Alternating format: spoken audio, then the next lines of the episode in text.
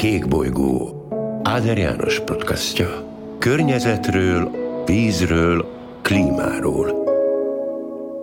Jó napot kívánok, tisztelettel köszöntöm a podcast hallgatóit. Ahogy két héttel ezelőtt ígértem, a mai vendégem is Hárfás Zsolt, atomenergetikai szakértő, elektronikai szakmérnök. A legutóbbi alkalommal az atomenergia használatáról beszéltünk, és azt ígértük a hallgatóknak, hogy most pedig a fosszilis energiahordozók használatáról és a megújuló energiahordozókról beszélünk, és ezt az egészet, ezt a három témakört megpróbáljuk aztán egybe kapcsolni. A foszilisokon belül is inkább én a gáz és a szén használatát, én az olajat most kikapcsolnám, és ugye a múltkor körbejártuk azt a kérdést, hogy lehet-e csak a megújuló energiaforrásokra az ellátást építeni.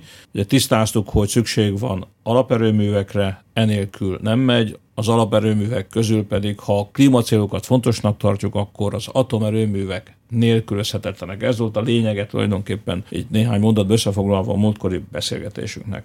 Most az én bevezetőm egy kicsit hosszabb, de talán nem indokolatlan, mert a múltkori beszélgetés során bekapcsolta a számítógépét és hozott egy német példát. Igen. Na nézzük meg most is, hogy ez hogy néz ki. Arról van szó, hogy ugye van egy online adatszolgáltatás, amely révén látni lehet az aktuális uh, áramtermeléseket minden egyes országban, és hogyha most ránézünk a német villamosenergia rendszer adataira, akkor azt láthatjuk, hogy jelen pillanatban a német nap- és szélerőművek közel 140 ezer megawattnyi kapacitásából csak mintegy 30 ezer megawatt áll rendelkezésre, tehát az időjárás függőségük az itt mutatkozik meg a legjobban, hogy soha nem képesek arra, hogy 100%-os teljesítmény szinten üzemeljenek. Tehát 140 ezer ből, ből 30 ezer. Igen.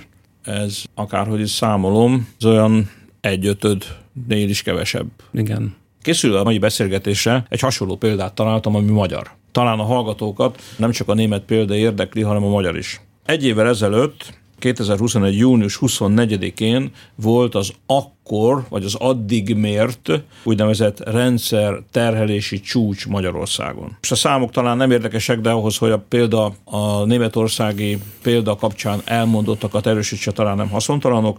6940 megawatt volt akkor a fogyasztás, ennek a 37%-a import volt, és ennek a hazai fogyasztásnak több mint a 40%-a származott a Paksi atomerőműből, a 25%-a származott gázerőművekből, több mint 10%-a származott a Mátrai hőerőműből, most nem a széntüzelés mellett lobbizok természetesen, csak Igen. a tényeket rögzítem, és ami a nagyon fontos, hogy ezen a napon Magyarországon a 320 megawatt szél erőművi kapacitásból 59 megawatt, az 1600 megawatt naperőművi kapacitásból mindössze 158 megawatt jutott el a fogyasztókhoz, tehát a beépített szél- és naperőművi kapacitásnak csak 11%-a állt ezen a napon rendelkezésre. Ugye a példát azért hoztam, és azért mondtam el ilyen részletesen, mert a múltkor beszéltünk már arról, hogy az alaperőművek nélkül nem tudunk, nem tudjuk az ellátás biztonságot megteremteni. Ez a példa pedig jól mutatja, hogy csak a szél, csak a napenergiára építeni, amit nagyon sokan, próbálnak elhitetni, különösen azok, akik ideológiai kérdést csinálnak az energiaellátásból és az energiatermelésből, azok megpróbálják azt az illúziót kelteni, mint hogy ez egy reális alternatíva lenne. A németországi példa, amit ön mondott, Igen. a múltkor is és most is, az én példám, ami egy évvel ezelőtti Magyarországi, az azt gondolom, hogy mind a két esetben világos száfolatát adja annak, hogy hiába növeljük, kell növelni, tehát nem ellene beszélek, kell növelni a megújuló erőműveknek a kapacitását, de növelhetjük a beépített kapacitásnak csak mindenkor a töredékét tudjuk megszerezni, azt is egyébként ráadásul meglehetősen nagy ingadozással, tehát az alaperőművekre summa summarum megint csak oda jutunk, mint a múltkor szükség van. Ezek tényleg kiváló példák, és azt zárójelbe hozzátenném, hogy folyamatosan dőlnek meg a rendszerterhési csúcsok Magyarországon évek óta ezt láthatjuk. Idén január 25-én újabb történelmi csúcs született közel 7400 megawattnyi értéken. Ebből az import aránya az közel 2800 megawatt volt, ami úgy gondolom, hogy egy, nagyon súlyos ellátásbiztonsági, sőt már nemzetbiztonsági kérdés is, és emellett ez az új rendszerterhési csúcs is megmutatta azt, amit ön is elmondott példaként a tavalyi évre vonatkozóan, hogy a nap és szélerőművek az új csúcs idején sem álltak rendelkezésre, hiszen a beépített közel 3000 megawattnyi nap és szélerőmű kapacitásból, itt már hozzászámolom a háztartási méretű napelemeket is, tehát a 3000 megawattnyi kapacitásból a csúcs idején a naperőművek nulla, azaz nulla megawatt kapacitás képviseltek. A széler... akkor, akkor a csúcs az éjszaka volt ezek szerint. 17 óra 15 perckor volt január 25-én, tehát nem éjszaka, de már akkor a naperőművek lepihentek. A szélerőművek pedig a 325 megawattból kevesebb, mint 100 megawattot tudtak biztosítani. Tehát ezek a példák kiválóan alátámasztják azt, hogy napig szélerőművekkel ellátásbiztonságot nem lehet garantálni, hiszen időjárás függőségük miatt tulajdonképpen tartalékkapacitásokra van szükség. Éppen ezért Magyarország azt a helyes utat követi, hogy egy olyan egészséges energiamixet kíván megalkotni a jövőt illetően is, ami egyaránt figyelembe veszi azt, hogy ugye az atomenergiára és a megújuló energiaforrásokra szükség van, ugyanakkor utóbbi esetében ugye reálisan kell tudni tervezni, tehát azt is látni kell, hogy ha 2030-ig vagy 2025-ig a hazai naperőműves kapacitás eléri 6000 megawattot, az nagyon szép, nagyon jó követendő, hiszen klímavédelmi szempontból előnyös, de hogyha a rendszer szinten vizsgáljuk a egész villamosenergia rendszernek a működését, akkor azt kell látni, vagy azt kell tudni, hogy úgy kell az egész energiarendszer megtervezni, hogy olyan esetekben is el lehessen látni majd a hazai villamos energiafogyasztókat 100%-osan villamos energiával, amikor ezeknek a naperőmű kapacitásoknak csak egy töredéke fog rendelkezésre állni. Tehát feltétlenül szükség van ugye egyrésztről a Paks 2 atomerőmű megépítésére, szükség van a naperőművek fejlesztésére is, ugyanakkor további erőműveket is építeni kell Magyarországnak annak érdekében, hogy a fogyasztókat üzembiztosan el lehessen látni télen, nyáron, éjjel, nappal. Azonban, hogyha már ennél a kérdésnél tartunk, egy rendszert szintű problémát azért még érdemes megemlíteni a megújulókkal kapcsolatban, hiszen bizonyos időszakokban, amikor például a nap és szélerőműveknek túltermelése van, tehát nagyon sokat termelnek, és közben például a rendszertár is alacsony, akkor egyre gyakrabban előfordul az, hogy a paksi atomerőművet idézőjelbe kérik meg arra, hogy csökkentse a termelését, csak azért, hogy... Igen, vissza kell terhelni, vissza ezt kell terhelni, igen, mondani, a, a igen, tervezetten vissza kell terhelni, csak azért, mert a nap és szélerőművek által termelt villamos energiát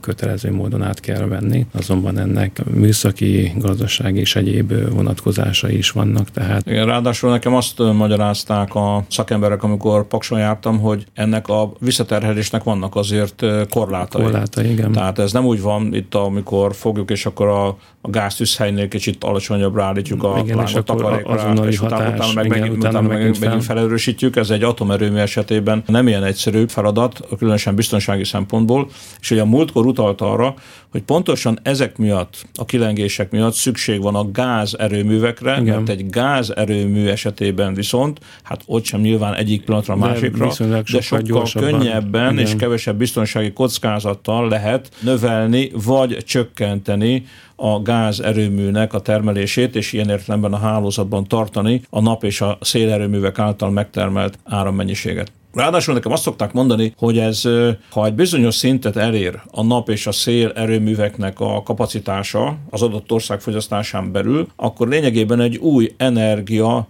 ellátó rendszert, egy új hálózatot kell építeni, a régi már nem lesz teljes mértékben alkalmas arra, hogy ezeket a problémákat, amiket ön mondott, ezeket kezelje. Ez így van? Ez valóban így van, és a napokban pont arról szóltak a hírek, hogy a Mavir egy nagy léptékű hálózatfejlesztési programot jelentett be, pont azért, hogy a naperőművek fejlesztését azt tovább lehessen Magyarországon folytatni, hiszen a nélkül a hálózatfejlesztések nélkül tulajdonképpen végesek azok a kapacitások, amelyek ahhoz szükségesek, hogy újabb és újabb naperőművi kapacitásokat lehessen a rendszerbe integrálni, tehát nagy mértékű hálózatfejlesztésre van szükség, tehát ez egy nagyon fontos tényező a naperőművek szempontjából és a megújulók elterjedése szempontjából.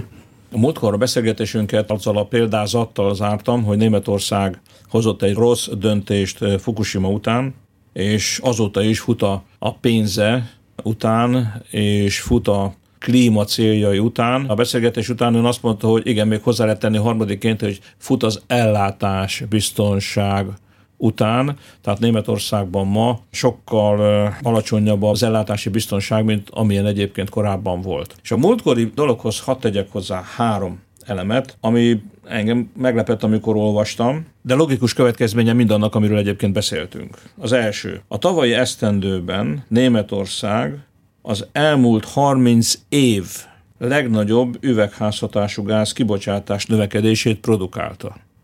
Ugye ez logikus következménye annak, hogy az atomerőműveket zárják be, a szén erőművek kapacitását pedig növelik.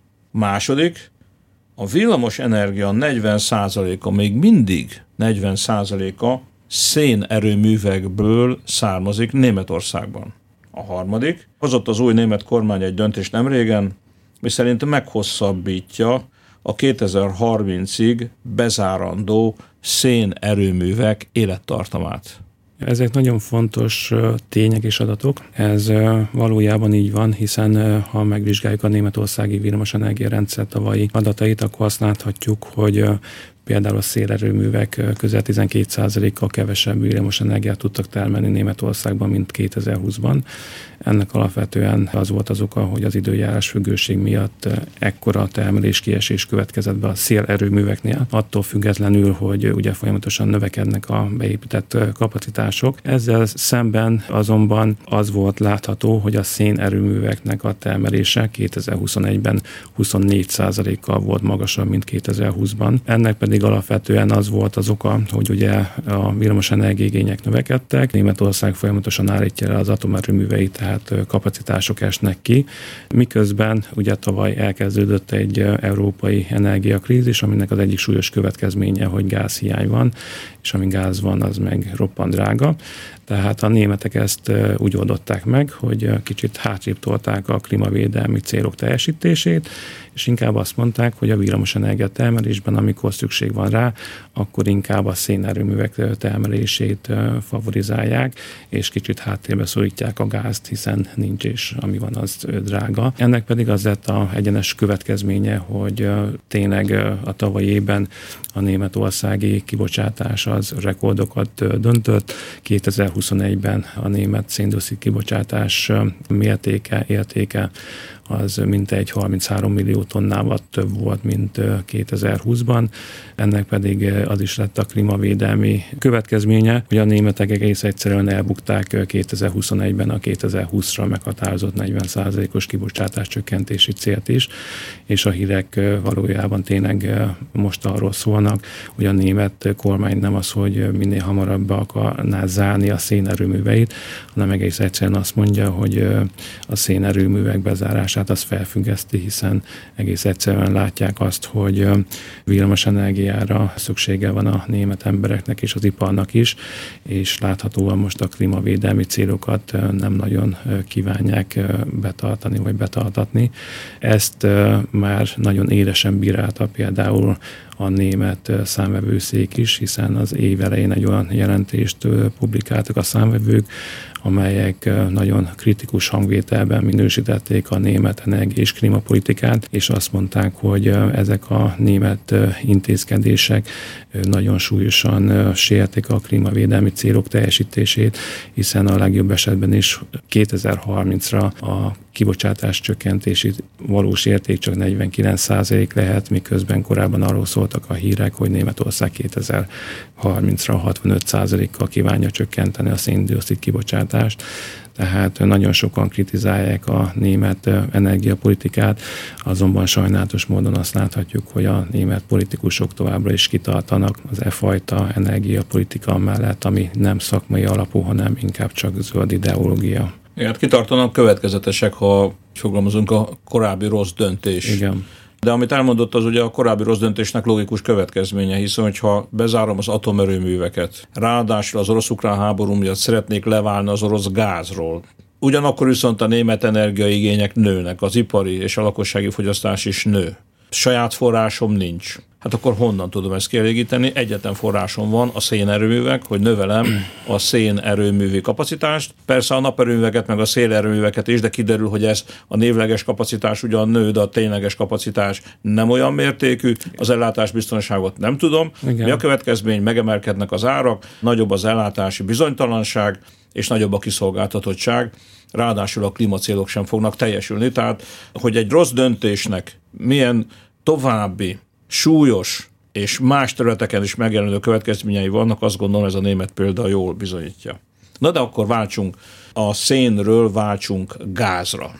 Klíma szempontból miért jobb a gáz használata a szénnél? Erre egy nagyon egyszerű választ lehet adni. Ugye a szakértői elemzések azt mutatják, hogy például a szénerőműnek a széndiokszid kibocsátása a teljes életciklusra vonatkoztatva az 820 g per kilowattóra, tehát igazi klímagyilkosnak lehet a szénerőműveket tekinteni. Ezzel szemben a gázerőművek kibocsátási értéke az idézőjelben csak 490 g per kilowattóra, tehát, tehát majdnem a fele. Majdnem a fele. Kis túlzása azt mondhatjuk, hogy klímavédelmi szempontból persze előnyösebbek a gázerőművek, mint a szénerőművek, azonban ugye olyan törekvések is vannak az egyes egyes országokban, és Brüsszel is olyan döntéseket kíván hozni, hogy egyre jobban fokozzuk a nap és szélerőműveknek a beépített kapacitásait, tehát egyre többet picsenek be a villamosenergia rendszerekbe, azonban, mint már korábban volt róla szó, az időjárás függő megújulók mellé megfelelő szabályzó kapacitásokat is kell beépíteni, és jelen pillanatban erre a legjobb megoldás a gázerőművek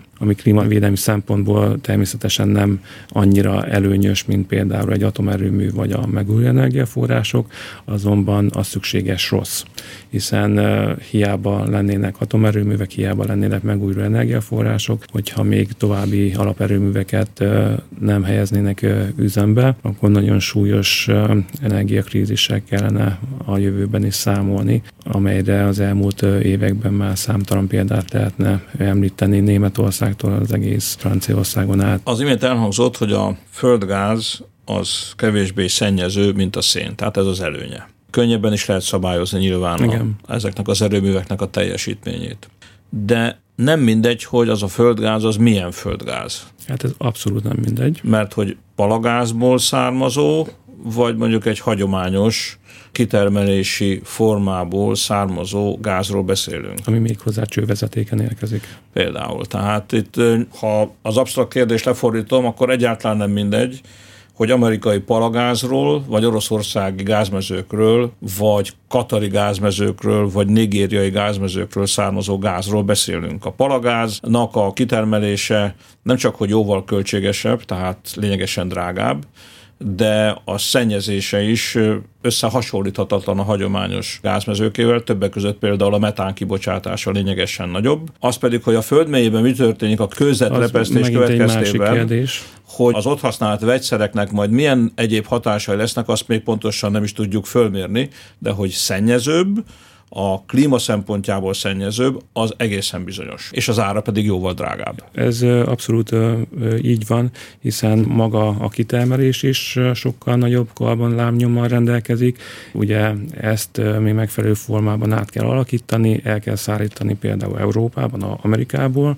Tehát, hogyha ezt az összfolyamatot nézzük kitermeléstől a, a szállításon át a végpontig, akkor a szakértői számítások azt mutatják, hogy például az amerikai palagáz Európába szállítása közel háromszor, ötször nagyobb karbon lábnyommal rendelkezik, mint például a csővezetéken érkező orosz földgáznak a karbon lábnyoma, tehát klímavédelmi szempontból is roppant hátrányos lehet az amerikai palagáz Európába szállítása a költségekről nem is beszélve, hiszen már ön is mondta, hogy a... Azért az árakról is beszéljünk, hát a, a, a, a, azért, azért mondom, drágább? Azért, azért mondom, hogy a, a költségek tekintetében is az amerikai palagáz mindennel együtt többszörösébe kerül az orosz földgáznak. Ettől függetlenül nehéz megérteni azokat a brüsszeli politikusokat, akik valahogy ezekről a, a stratégiai kérdésekről elfeledkeznek, és azt mondják, hogy orosz földgáz helyett, ami olcsóbb és környezetbarátabb, vegyünk sokkal drágább és sokkal környezetrombolóbb amerikai palagázt. Tegyük fel, hogy azt mondjuk, hogy igen, vegyünk drágábbat és környezetszennyezőbbet. De már nem túl logikus mondjuk ezt a választ adni erre a kérdésre, de tegyük fel, hogy ezt a választ adjuk rá. A következő kérdés, hogy no, és van-e elegendő mennyiség, amit az amerikaiak ide tudnának szállítani? Röviden megválaszolva nincs, és nem is lesz. De most az az érdekes, hogy néhány hónappal ezelőtt volt az amerikai LNG szövetségnek a közgyűlése. Nem nagyon kapta fel egyébként a nyugati sajtó. A következő megállapítások hangzottak el. Első, tehát az amerikai palagáz export le van kötve. Tehát a már most kitermelt mennyiséget, megvan Ázsia különböző, megvan a vevő, Ázsia különböző országaiba lekötötték és szállítják. Nem tudnak többet szállítani Európának. A második állításuk az volt, hogy ha lehetne növelni a kapacitást, de új kapacitásoknak a képítése az 6-8 év, hogy amit mondott, új kutakat kell fúrni, meg kell oldani a vezetéket, meg kell oldani a cseppfolyósítást, és aztán majd utána visszagázosítást, plusz igen. még egyébként tankereket kell építeni, amikkel át kell hozni a tengeren. Tehát ez 6-8 év. A harmadik, amit hozzátettek, hogy na jó, de ez csak akkor éri meg nekik, hogyha egy stabil fix áron. Tehát nem piaci áron. Nem, hanem fix áron. Hanem egy fix áron, mondjuk 10 vagy, annál maga, vagy annál magasabban a következő évtizedekre szállíthatnak, tehát bebetonozunk egy monopolárat. Ez volt a harmadik megállapítás. A negyedik, na ez volt a legérdekesebb, de még ezen a módon sem tudják a teljes orosz gázt, az Európa által vásárolt orosz gázt kiváltani, annak legfeljebb az egyharmadát tudják így módon kiváltani. Mondja ezt az a szövetség, amelyik a leginkább érdekelt lenne abban, hogy anyagilag is, hogy, hogy ezt, a, ezt az elképzelést erősítse. Tehát arra a kérdésre, hogy lenne tehát tegyük föl, hogy elfogadjuk a magas árat, tegyük föl, hogy elfogadjuk, hogy rosszabb a klíma szempontból az amerikai palagáz használata, de elegendő mennyiséget, ami az orosz gáz teljes egészében kiváltaná, pláne rövid távon, ez egy illúzió, ha jól értem. Hát ez egy zöld illúzió, vagy egy brüsszeli illúzió.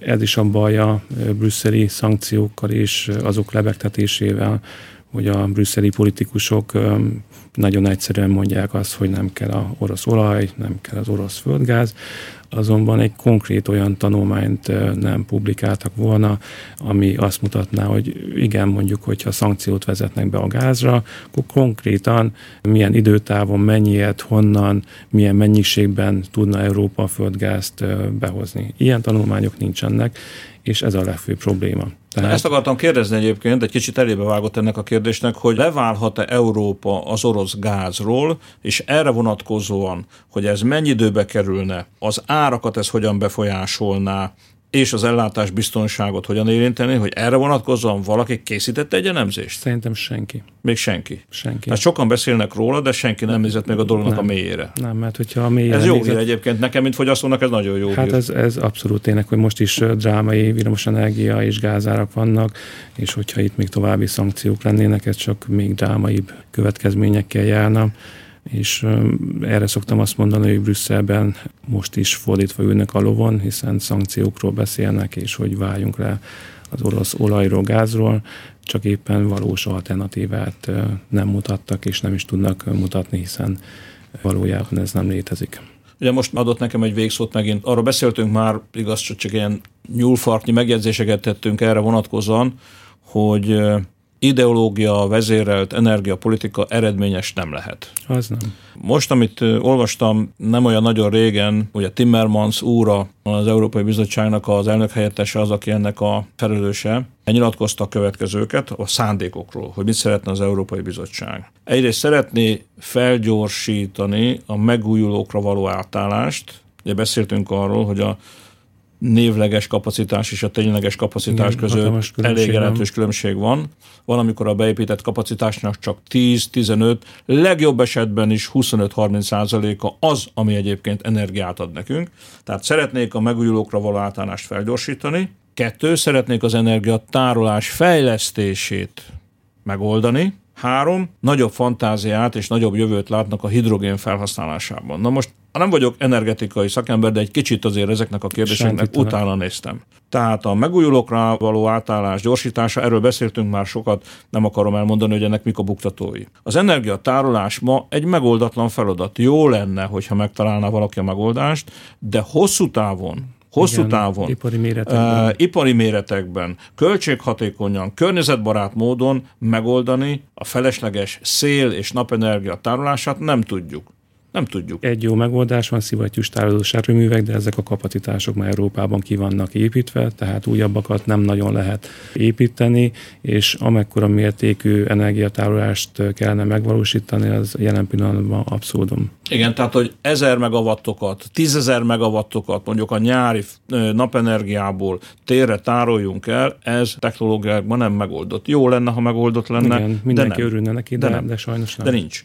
És a harmadik pedig a hidrogén használata, ahol amiket én olvastam tanulmányokat, ott nagyon sok olyan technológiai problémáról írtak, ami ma még megoldatlan, tehát ez egy jó dolog, én is szeretném Persze. egyébként, hogyha a hidrogént minél hamarabb és minél nagyobb körben tudnánk energiatermelésre és energiatárolásra használni, de most ennek a technológiai feltételei még nem adottak. Tehát a kutatást, ha fel is gyorsítja az Európai Bizottság, az helyes dolog. Ez de azt gondolni, de azt gondolni, hogy holnap után jövőre majd ez az európai polgárok és az európai vállalatok ellátását bővíteni, ellátás biztonságát javítani fogja, ez megint csak illúzió. Jól gondolom? Jól.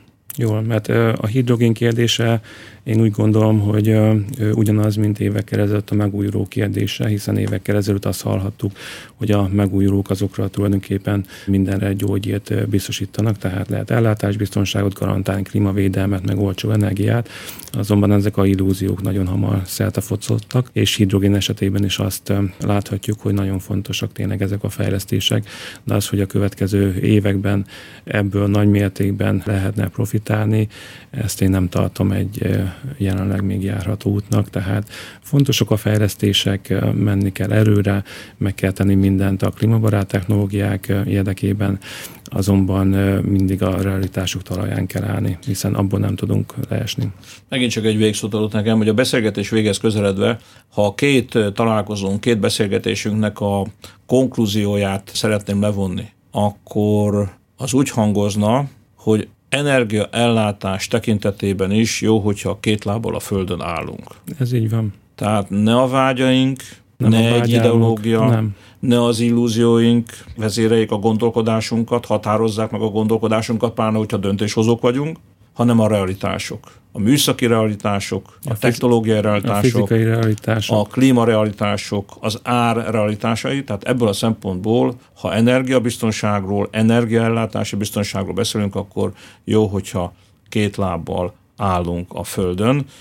Én azt gondolom, hogy Magyarország ezt teszi, akkor, amikor az atomerőművi energiatermelés mellett kardoskodik, amikor azt mondja, hogy szükségünk van erre az alaperőműre, amikor azt mondja, hogy igenis szükségünk van gázerőművekre is, ezek kiegészítő erőművek, de szükségünk van rá, miközben egyébként jelentősen bővítjük, mert bővítjük például a naperőművi kapacitást, ami az elmúlt öt évben minden évben megduplázódott, és a terv az következő esztendőkben is ez meg fog duplázódni, esztendőnként minden egyes esztendőben.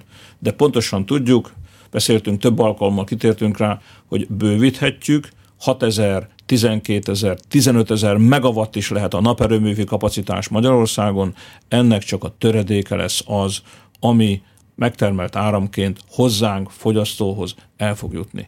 Tehát summa summarum, két lábbal álljunk a földön, ne legyünk az illúziók rabjai, és akkor azt gondolom, hogy nyugodtan alhat mindenki, és nyugodtan élvezheti azokat a szolgáltatásokat, amiket egy megfelelő, megfelelő mennyiségben és megfelelő minőségben az áramtermelők, az áramszolgáltatók nekünk biztosítanak.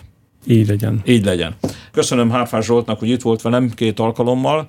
Én köszönöm Köszönöm a hallgatóknak a figyelmet. Körbejártuk az áramtermelés, energiatermelésnek a problémáját. Megköszönöm a figyelmüket, mindenkinek kellemes napot kívánunk. Kék bolygó. Áder János podcastja. Környezetről, vízről, klímáról.